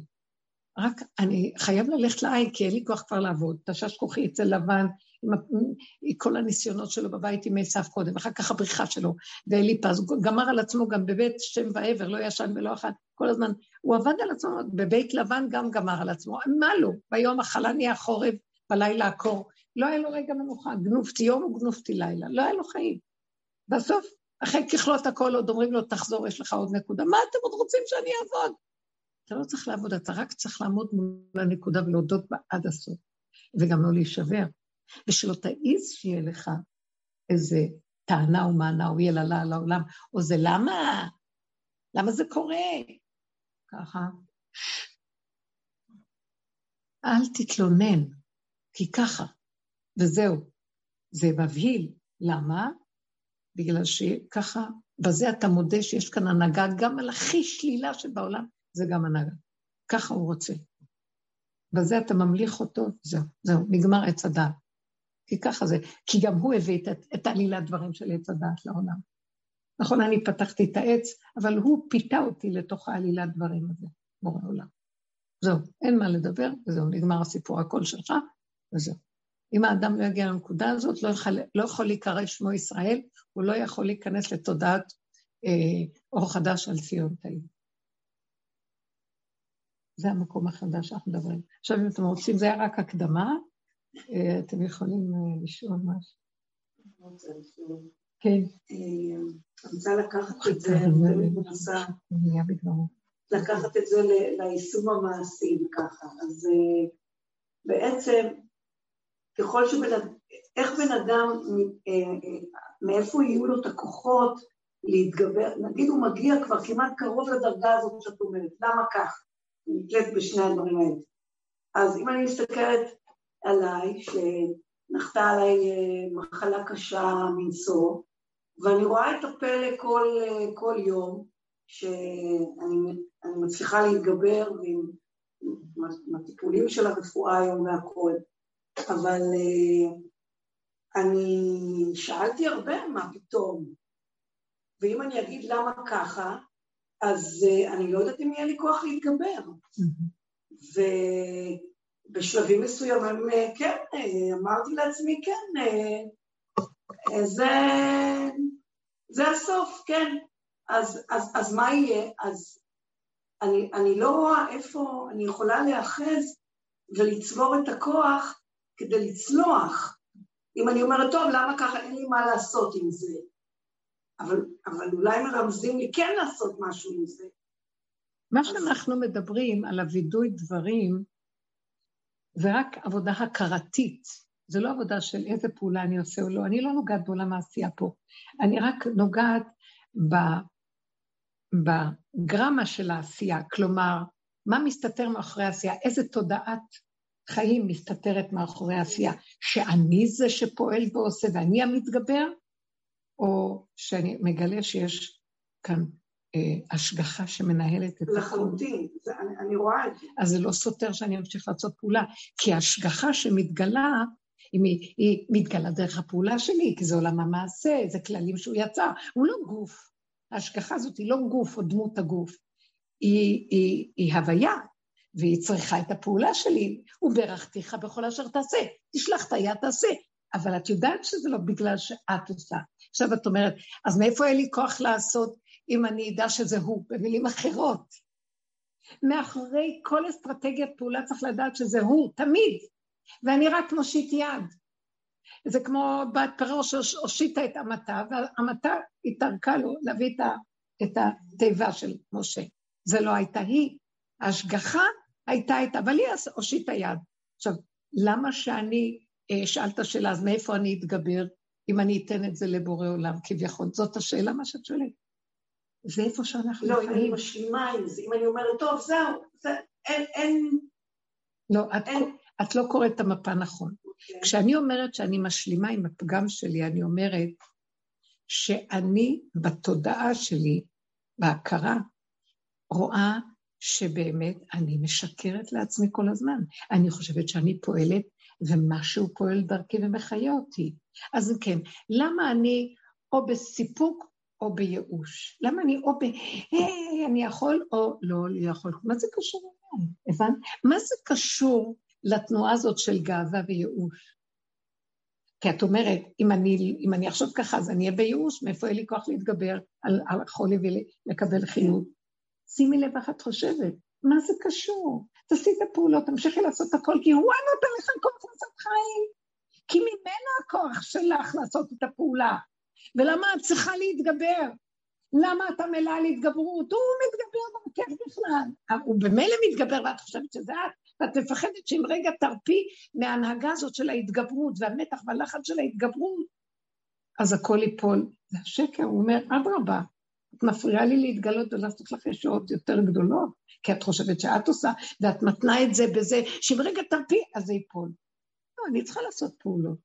אבל שימו לב להבדל, אני אעשה פעולה מתוך אמונה פשוטה, שאני רק עושה את הפעולה והוא עושה את הכל. אני רק מושיטה את היד וכל הפעולה נעשית ממילא. ואני תלויה בו, ורק הוא. עוד יותר הוא מחויב לי. עוד יותר הוא רוצה להראות לי את הישועה שלו, כשאני איתו, כי פתחתי לו פתח יותר גדול. וככה אני פועלת, אני יודעת שזהו, אבל הוא שם, ואני פה המתגבר. אז הרחקתי את ה... את מבינה? את האפשרות לקבל הערה יותר גדולה וכוח יותר גדול. ובכלל, בשביל זה הייתה כל המחלה. הוא מעורר אותנו דרך זה, הוא לא רוצה שנחלה חס וחלילה, כי לא מבקש האדם, השם לשנוא את האדם ולהעבידו, אלא לעורר אותו, והוא כל כך מחפש ורוצה בשניות את כל הישועות לתת לנו, אבל הוא רוצה שההכרה שלנו תתעורר לעשות עבודה יותר פנימית ואמיתית, ולא על פי עץ הדעת טוב לעומת הרע, שאלה לא מתגברים ולא אכפת להם בייאוש, לא אכפת להם. ואלה מתגברים ועובדים על עצמם. זה התחלות של עבודות, וזה עבודות שעשינו בכל הדורות. אבל לקראת הסוף לא יתבקש מאיתנו עבודה של התגברות עצמית. הפוך, כל פעם שאני באה לאיזה התגברות זה מרחיק אותי. אני אומרת לו, לא, את לא מתגברת, את אומרת לו, אני לא יכולה כלום. אם אני אצטרך להתאמץ במשהו, אז אין השם בעולם. בבקשה, תראה לי שאתה חי וקיים. אני מושיטה דבר קטן. החזון איש מדבר על כך שההשתדלות שלה צריכה להיות אמיתית, צדיק אמיתי, מינימום. הוא לא צריך לעשות דברים גדולים. כי הוא יודע שהשם קיים, הוא רק צריך לפתוח, פיתחו לי כפתחו של מחר. כי הידיעה היא ברורה בתוכו שזה שייך לו. עכשיו, לנו זה לא, אז אנחנו צריכים כל הזמן להביא את הנקודה, איך, איך נכיר אותו? בואו נחזור לתחילת השיחה. תחילת השיחה הייתה על כך שחייב להיות קודם כל המכה, הקלקול ואחר כך הרפואה. אז תני לי את הפגם הכי גדול שלך, ואני אביא לך את הרפואה. תני לי פגם גדול, תגידי את הפגם שלך, למה את מפחדת? אין לי אמונה, ואין לי כוח להתגבר, ואין לי רצון בכלל, מה, למה לי חיים ככה, שיש בהם כל כך הרבה כאבים, וזה ריבונו של עולם. למה שאני אתאמץ לחיות? אמרתי, למה שאני כל כך לרצות לחיות? למה שאני כל כך רוצה להתאמץ לחיות? אתה הבאת אותי לעולם, מכריח אותי בעל כוחי לחיות, בעל כוחך אתה חי, בעל כוחך אתה מת, בעל כוחך נותן דין וחשבון, בעל כוחך הכל, אז למה שיהיה בעל כוחי כל זה? ואני אומר לו, אתה יודע משהו? רב אושר אמר את זה, ואז אני כמו אה, קוף מחקה אותו, אומרת לו, אתה יודע מה? רב אושר, כמו שבעל כוחך שמת אותי פה, בעל כוחך שאתה תהיה פה להחליף אותי. למה שזה יהיה אני? אין לי כוח, אה, אומר, כי אתם אכלתם עץ הדת, יש לכם דמיון שאני, של אתם, אתם, אני, ואני, ואני, וכוחי ועוצם ידי. אז תכירו שזה מה שמפריע וחוצץ ביני לביניכם. אז אם כן, תודו בפגם שלכם, שאתם, מה, מה הפגם שלי? שאני חושב שאני מתגבר. במקרה הזה, שימו לב, איזה פגם זה? זה נקרא פגם? למה אני מתגבר בעולם החברתי שלנו, החיובי זה חיובי? אבל בשביל הכרת השם, ונכון, מול העולם הרע יש הרע מיואש, ויש אחד שהוא מתגבר יותר טוב. ויש משהו יותר טוב מהכל, ועל זה אנחנו מדברים. יסוד הגאולה של גילוי מלכות השם, זה כל השיעורים פה. זה להכיר את הפגם שאני החוצץ ומפריע לו להתגלות בזה שאני מתגבר כאילו לא קיים. זה כאילו, אה, זה כאילו, אה, אני עושה איזה פעולה שלא צריכים לעשות. אה, זה כאילו עגלה נוסעת, ואני מרים שק ואני מרים את השק ואומר, טוב, עוד יותר תרים, אבל העגלה נוסעת. והעגלון צועק, טיפש. אתה לא רואה שאני נוהג את העגלה, מה אתה משחק אותה? כאילו, אתה כאן נוהג את השק שלך. ככה אנחנו נראים. מה אתה עוזר לי? אנחנו עוזרים להשם בעולם. ורק אל תפריעו לי, בשם השם רק אל תפריעו לי, אני כבר יכול להסתדר לבד. אבל האגו הזה מפריע לו, כי הוא כל כך מלא ישות עצמית, והיגיון שולט פה. אם אני לא אעשה ככה, אני אעשה ככה, ואחד ועוד אחד שווה זה, התוצאה צריכה להיות זה, ואם לא, התוצאה רק הסימן שמה עשיתי כך וכך. אין סימן ואין כלום, כי כאן באמת האלוקות, בעולם האלוקות שהולך להתגלות, אין שום היגיון. דברים יקרו כאן שזה לא על פי היגיון בכלל. וזה יהיה, אה, איך, אה, אז שנהיה נדהם, נדהמים למראה עינינו. לא נאמין מה שנראה. איך יכול להיות? כי עץ הדעת הזיז אותנו לחוקים שככה נראה לו שזה זה, וכל פעם מחכה שזה וייתם כאלוקים. כאשר באמת באמת הוא רק חקיין ומדומיין, ומחפש מעצמו להיות יכול עם השכל שלו. רגע אחד, השם עושה, והכל זז. הנה אנחנו לפני חנוכה, חשמונאי, ובנה, מתתיהו כהן גודל, וששת, חמשת הילדים שלו, הם כבשו את כל צבא יוון. אה, אה, זה לא דבר שנתפס בכלל בחשיבה. היוונים שלטו אז, והיה איזה 200 שנה אחרי שעזרא ונחמיה חזרו, אחרי שנה של 70 אה, שנה של גלות בפרס, אחרי של 410 שנים שבית המקדש הראשון נחזור. שלמה בנה בית, 410 שנה הבית הזה קיים, ואחר כך, 70 שנה, אה, אחרי זה נבוכדנצר עלה לירושלים, אחרי 410 שנה, והחריב את ירושלים, והגלה את עם ישראל לבבל, ואחר כך שלט פרס, ופרס, אה, אה, כורש מלך פרס, נתן רשות לעלות לארץ ישראל ולבנות את בית המקדש. עזרא ונחמיה עלו, והם בנו, עזרא היה נביא, לא היה אז מלך, אבל נביא היה, והוא בנה את בית המקדש יחד עם הכוהנים. אחרי 200 שנה עלתה מלכות יוון על ארץ ישראל, והם נכנסו להיכל, ובמזבח סילקו את כל הכוהנים, והקריבו קורבנות לעבודה זרה על המזבח בבית המקדש. עכשיו, הכהנים, החכמים ראו את זה, וגם היו כל מיני גזרות, שבת ישראל תיכנס אה, ביום חופתה למחנה הצבאי, ושהיא תיבהל לתפסר תחילה. קודם תעבור דרך החדר של המצביא, לפני שהיא נכנסת לחדר עם החתן. אה, וזה היה זוועה. אז החכמים אמרו, בנות ישראל אמרו, נתאבד ולא נלך לחופה. ולא נלך לזה. אז הוא אמר, החכמים אמרו לא, אתם לא חייבים, כי ככה זה זאת הגזרה ואין מה לעשות. ואז גם הם אמרו, ככה זה הגזרה, אין לנו יכולת להתגבר כרגע, זה, זה גזירת השם, שהם מקריבים שם את הזה. באו, באו הכוהנים, חמישה אנשים, כהנים, אה, שהם באו, כמו שאני אגיד לכם, לא באו מעץ הדעת של אחד ועוד אחד שווה, וההיגיון והחוכמה של אה, מה שהתורה אומרת, שפיקוח נפש אה, פותר את התורה.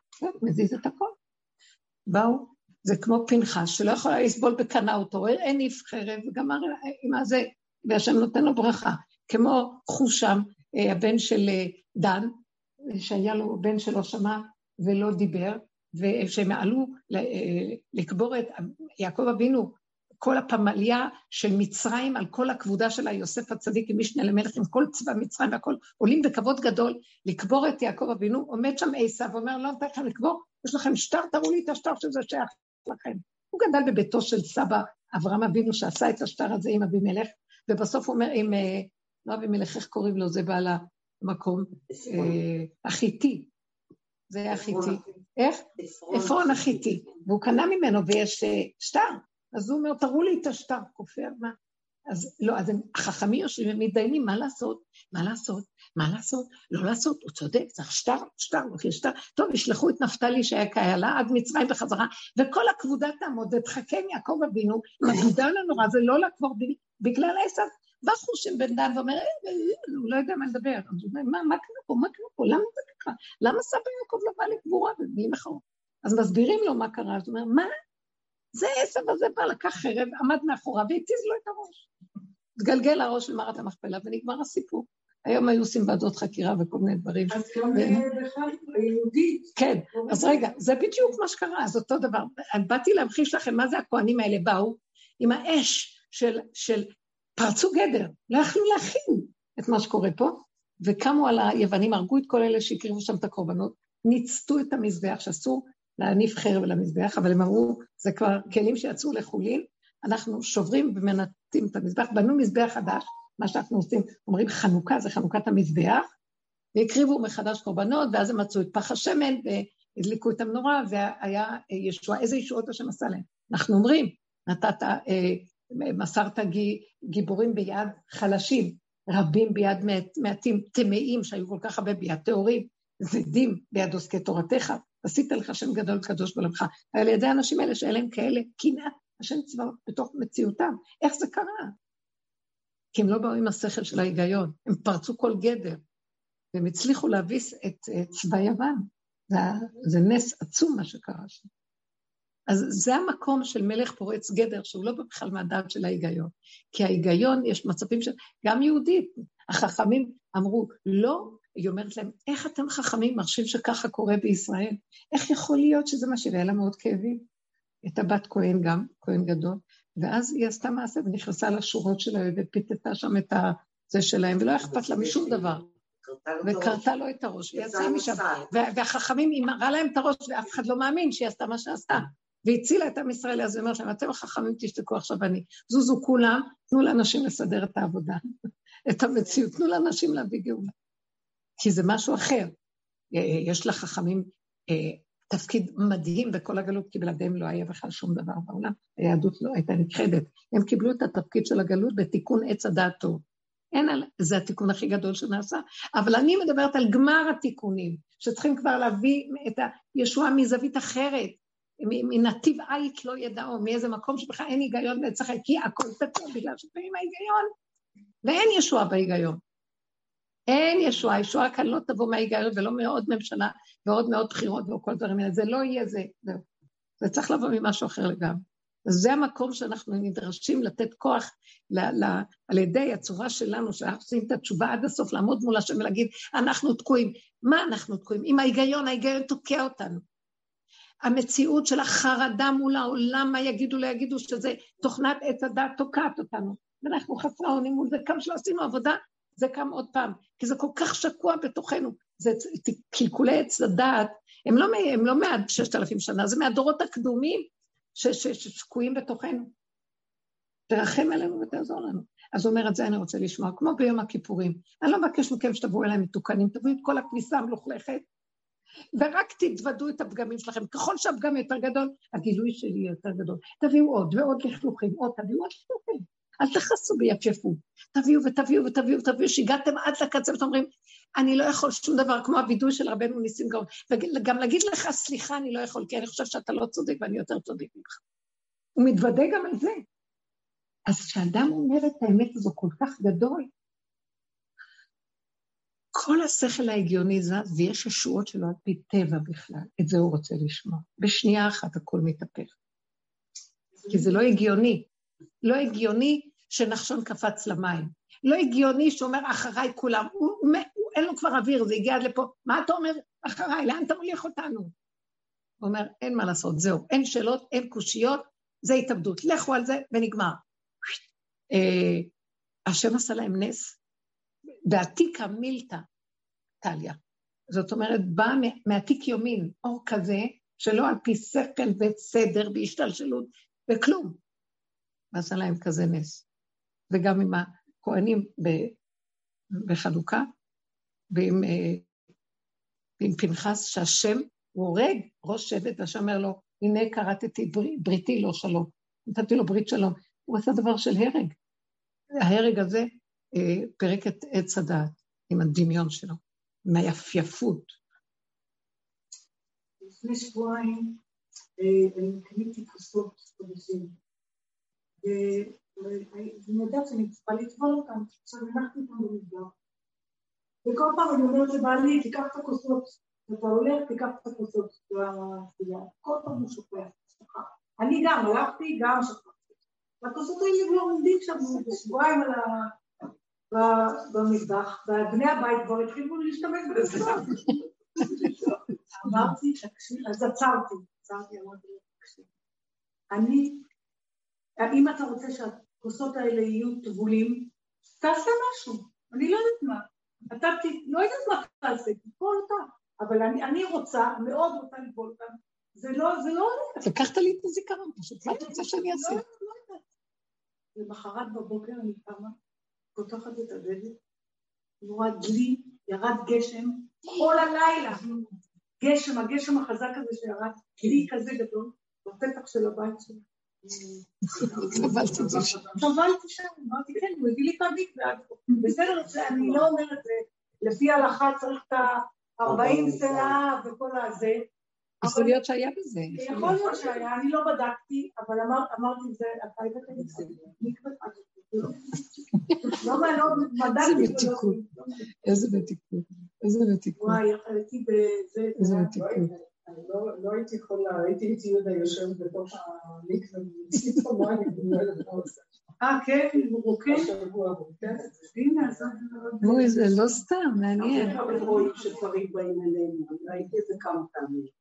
לא, לא הבנתי, אבל רגע, הנה, זה הגיע אליי. וואי וואי. כן. את רואה, הנה. תתחילו לראות את הגילוי שלו אה, בדברים כן, הקטנים ותיתנו לו מקום. הוא רוצה שניתן לו מקום ונקרא בשמו. אה, לא, זה היגיון. לא, את מדומיינת. זה כך וכך, כי זה הטבע, כי זה הדמיון. תקראו לו בשמו. הוא רוצה שנקרא לו בשמו, ונודה על כל המציאות שאנחנו חיים, והכל זה בקטנה. כי המציאות שלנו היא אנחנו הולכים בגדולה גדולה, גדולות ונשגבות, והוא בסך הכל מתגלה בקטנה. וההיגיון מפריע לנו, ואם אנחנו לא נוריד אותו, לא נוכל לחוות את הגאולה. אלה שכשתגיע הגאולה, ואנשים עוד משתמשים בהיגיון, ההיגיון ישרוף אותנו, חס ושלום. לא ייתן לנו להכיר, ויהיה זעזוע גדול. לא נוכל. זה המקום שנדרש מאיתנו את ההכרה, הכרת הפגם בהודעה בה, ולא להתבלבל ולא לפחד, ולא טוב, ולהגיד שאני לא יכול. ועכשיו יש איזה משהו של חזרה, מחזירים אותנו עוד פעם, כמו שיעקב חזר, כדי שנתוודה עוד פעם ונגיד, אני, אני אומרת, אני תקועה, למה אני תקועה? אה, ואז אני באה, אה, יש לי מרירות על המערכות, אני תקועה באיזה דבר, יש לי מרירות על המערכות, יש לי טענות על השיטה, יש לי...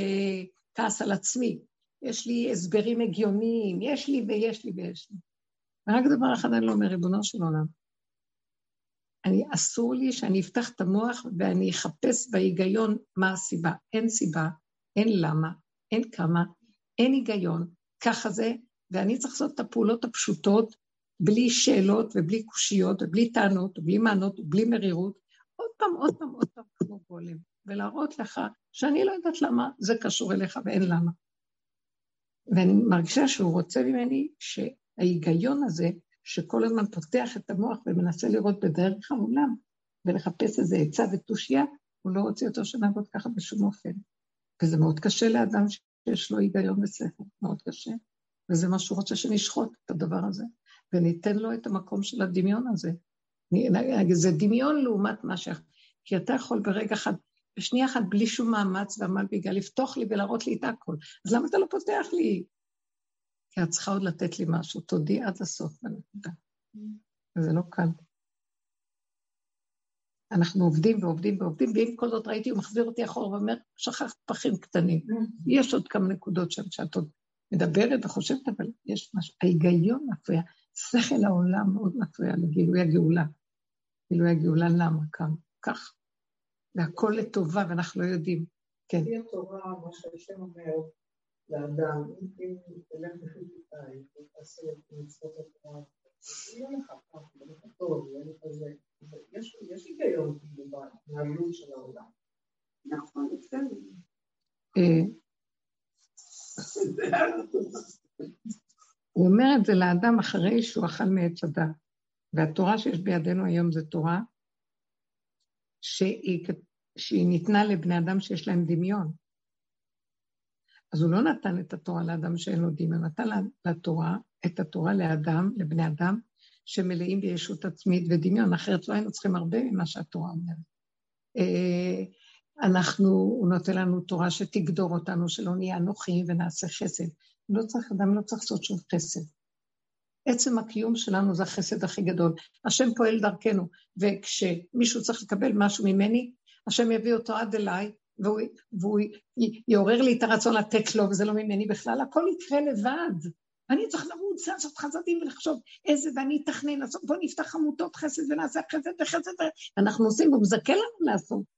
כי אכלנו מעץ הדת, חושבים שאנחנו יכולים, אז הוא אומר, אז כן, תרימו את השק הזה, העגלה נוסעת, אבל תרימו, וכאילו אתם עושים, וכאילו, וכאילו, וכאילו. וכמה פעמים יש לנו כאבים, כמה נתנו וכמה עשינו, מה מגיע לנו, רק חרפות מהביזיונות מאנשים, בכלל לא מעריכים את מה שעושים, וכן הלאה. זה לא ממש לשמה, אבל אנחנו כל היום רק עושים, הוא נתן את התורה לאנשים שהם נפולים, כי זה מה שכביכול, כי אנחנו בדמיון שלנו חושבים שאנחנו יכולים, אז תרוצו ותעשו. באמת באמת, שנגיע לנקודה הנכונה, לא נצטרך לזוז לאף מקום. בחינת שבת, שבו איש תחתיו, והכל יגיע עד אלינו. והעולם יתקן מעצם זה שאני קיים ודרכי פועלת פעולה. כמו האדם הראשון, שהוא היה בגן עדן, הכל היה בעד אליו לקבל את התיקון, בכלל הוא לא זז לאף מקום. כי באמת גם בגן עדן היו הנשמות של הדורות הקודמים, שהם היו נשברים, כן, הדורות הראשונים, ואז הם היו באים לקבל תיקון אצל האדם הראשון. כי היו שם עוד, צריך לעשות, נתן לו את גן עדן לעובדה ולשומרה, לעשות תיקונים לעולם עדיין. והנשמות האלה באו לעשות תיקון. אבל האדם הראשון לא עשה את זה מתוך זה שהוא רץ אליהם לעשות להם תיקונים, והוא הלך בגלויות שונות. הרי הקדוש אומר, אם היינו באמת אה, חיים נכון עם התורה, אז לא היינו צריכים לרדת לגלויות כדי, על ידי הגלות שאנחנו מכפרים ואנחנו מתקנים את העולם דרך הגלות. ירדנו לארצות הגויים לתקן שם את התיקונים שלנו. הגויים היו באים עד אלינו לקבל את התיקון, והיינו צריכים לגלות איזה תהליך של גלות איומה עם ישראל עבר. לא היינו צריכים את כל זה, אבל אנחנו חושבים שאנחנו מציאות, אז הרחקנו את עצמנו אה, מעל אדמתנו, מעל הפשטות הצמצומית הפנימית של עצמנו, ואנחנו חושבים שאנחנו יכולים. אז הוא אומר, טוב, אז בבקשה תרוצו.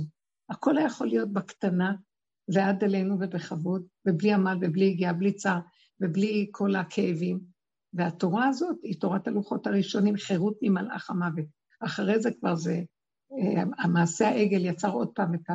כמו שבירה של עץ הדעת מחדש, ועוד פעם אנחנו במצב של אה, כאבים, עושים מצוות, ואחרי רגע יכולים גם לעשות עבירה, אחרי רגע קמים ועושים תשובה ועוד פעם נופלים, ועוד פעם ועוד פעם, ויום הכיפורים יוכיח, כל שנה יש יום הכיפורים, 3,500 שנה כבר. למה? מספיק שנה אחת ונגמר הסיפור. כבר התוודענו, לא? כי זה גלגל חוזר בעולם, מאוד קשה, אנחנו תקועים בתודעת עץ הדעת טוב ורע, רע וטוב, טוב ורע, טמא טהור, מותר אסור. מתי נגיע לקו האמצע ונצא מכל הסיפור הזה? שיתגלה הקדוש בעולם. זה חג הגאולה. למה? לא הבנתי. כל יום זה חג הגאולה. כל רגע שאדם תופס את הנקודה, הנשימה הזאת, זה הגאולה שלו.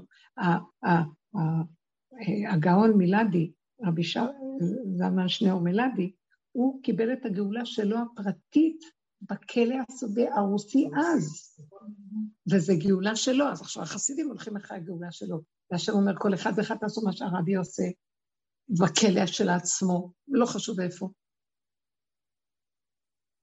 טוב, אז אנחנו תמיד אה, לקחנו מישהו שעשה, אז אנחנו אומרים, זה כבר אה, יעמוד לנו בזכותו. אבל באמת, באמת, לעולם יאמר אדם בשבילי נברא עולם, וכל אחד ואחד יתחיל מעצמו, ואפילו משהו קטן שייקח. בסדר, אני לא אומרת שזה זה אשרי אה, הזוכה ומאמין, וזה כן זכות הצדיק פועלת בשבילו, כמובן.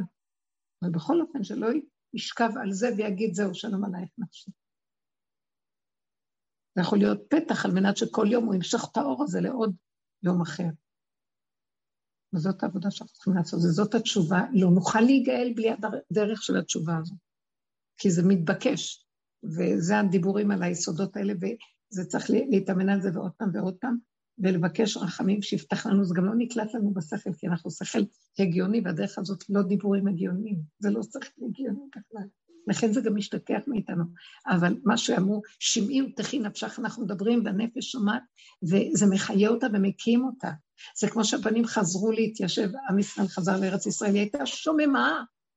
ואיך שהרגישה את הבנים שלה חוזרים אליה, הכל התחיל לפרוח. זה לא טבעי מה שקרה כאן במאה שנה. ממש לא.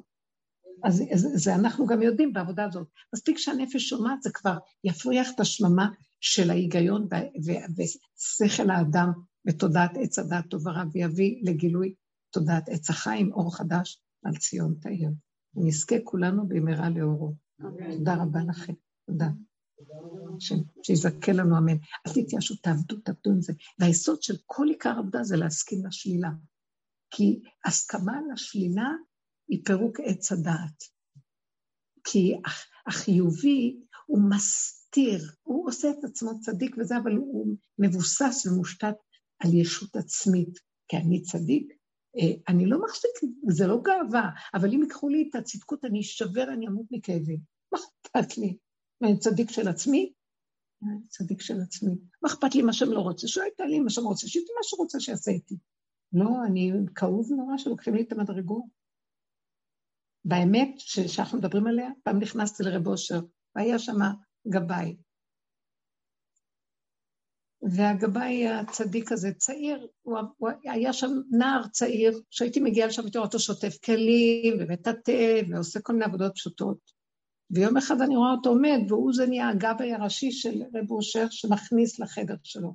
ואז אמרתי לו, היי, עלית במדרגה פה. ככה אמרתי לו, עלית במדרגה, אז הוא מסתכל עליי. כזאת עדינות, הוא אמר לי, באמת אין מדרגות, פה זה עולם של אמת, אין מדרגות. אצל רב אושר אין מדרגות. כל כך נהניתי לשמוע. זה לא מדרגות פה. זה ככה. יש רגע שהוא קרא לי, זה לא בגלל שעליתי ועליתי, זה ככה זה. איזה יפה, זה לא הגיוני, כי יש מדרגות לפי ההיגיון. לא, אין שום תקשיבו, אני רוצה לחיות ככה, אני כבר כי אני עייפה מהביקורת העצמית, מהעבודות העצמיות, ולהגיע ועוד מעט ועוד נופלים וקמים ונשברים ועוד פעם ועוד פעם ועוד פעם. אני רוצה לחיות כמו ילד קטן שחי את הרגע ואומר ככה כל רגע. והשם אומר לו, אני איתך, בני האהוב, אני איתך, אני אוהב אותך, כי אתה קטן ואתה זקוק לי. אתה כגמול עלי אמו אתה. אז אני אחזיק אותך. אני מראה לו שאני יכול, ואני עושה, ואני עושה, אז הוא אומר, טוב, נחכה לו עד שהוא ייגמל מהדבר הזה. כן, שם. כי כתוב בפרשת האזינו, כי יראה כאוזלת יד ואפס עצור ועזוב, עד שאדם יגיע לאוזלת יד. והנביא ישעיה אומר, ולאין אונים, כשאדם מגיע למדרגת אין אונים אמיתי, בלי להישבר, רק הוא רואה את האין אונים שלו. ולאין אונים עוצמה ירבה, השם ייתן לו עוצמה. והעוצמה הזאת, הוא ידע שזה לא שלו, זה השם נתן. זה המוגות. את רואה את זה. איך אצלך להיות? כי את על בשרך חווה את זה. כן, אני רואה את הנס כל יום. מדהים. כן. מדהים. ממש כך. השם איתך ורפואה שלמה. אמן. השם יתברך זכות רבו של אמן. תודה רבה לכם. השם איתך.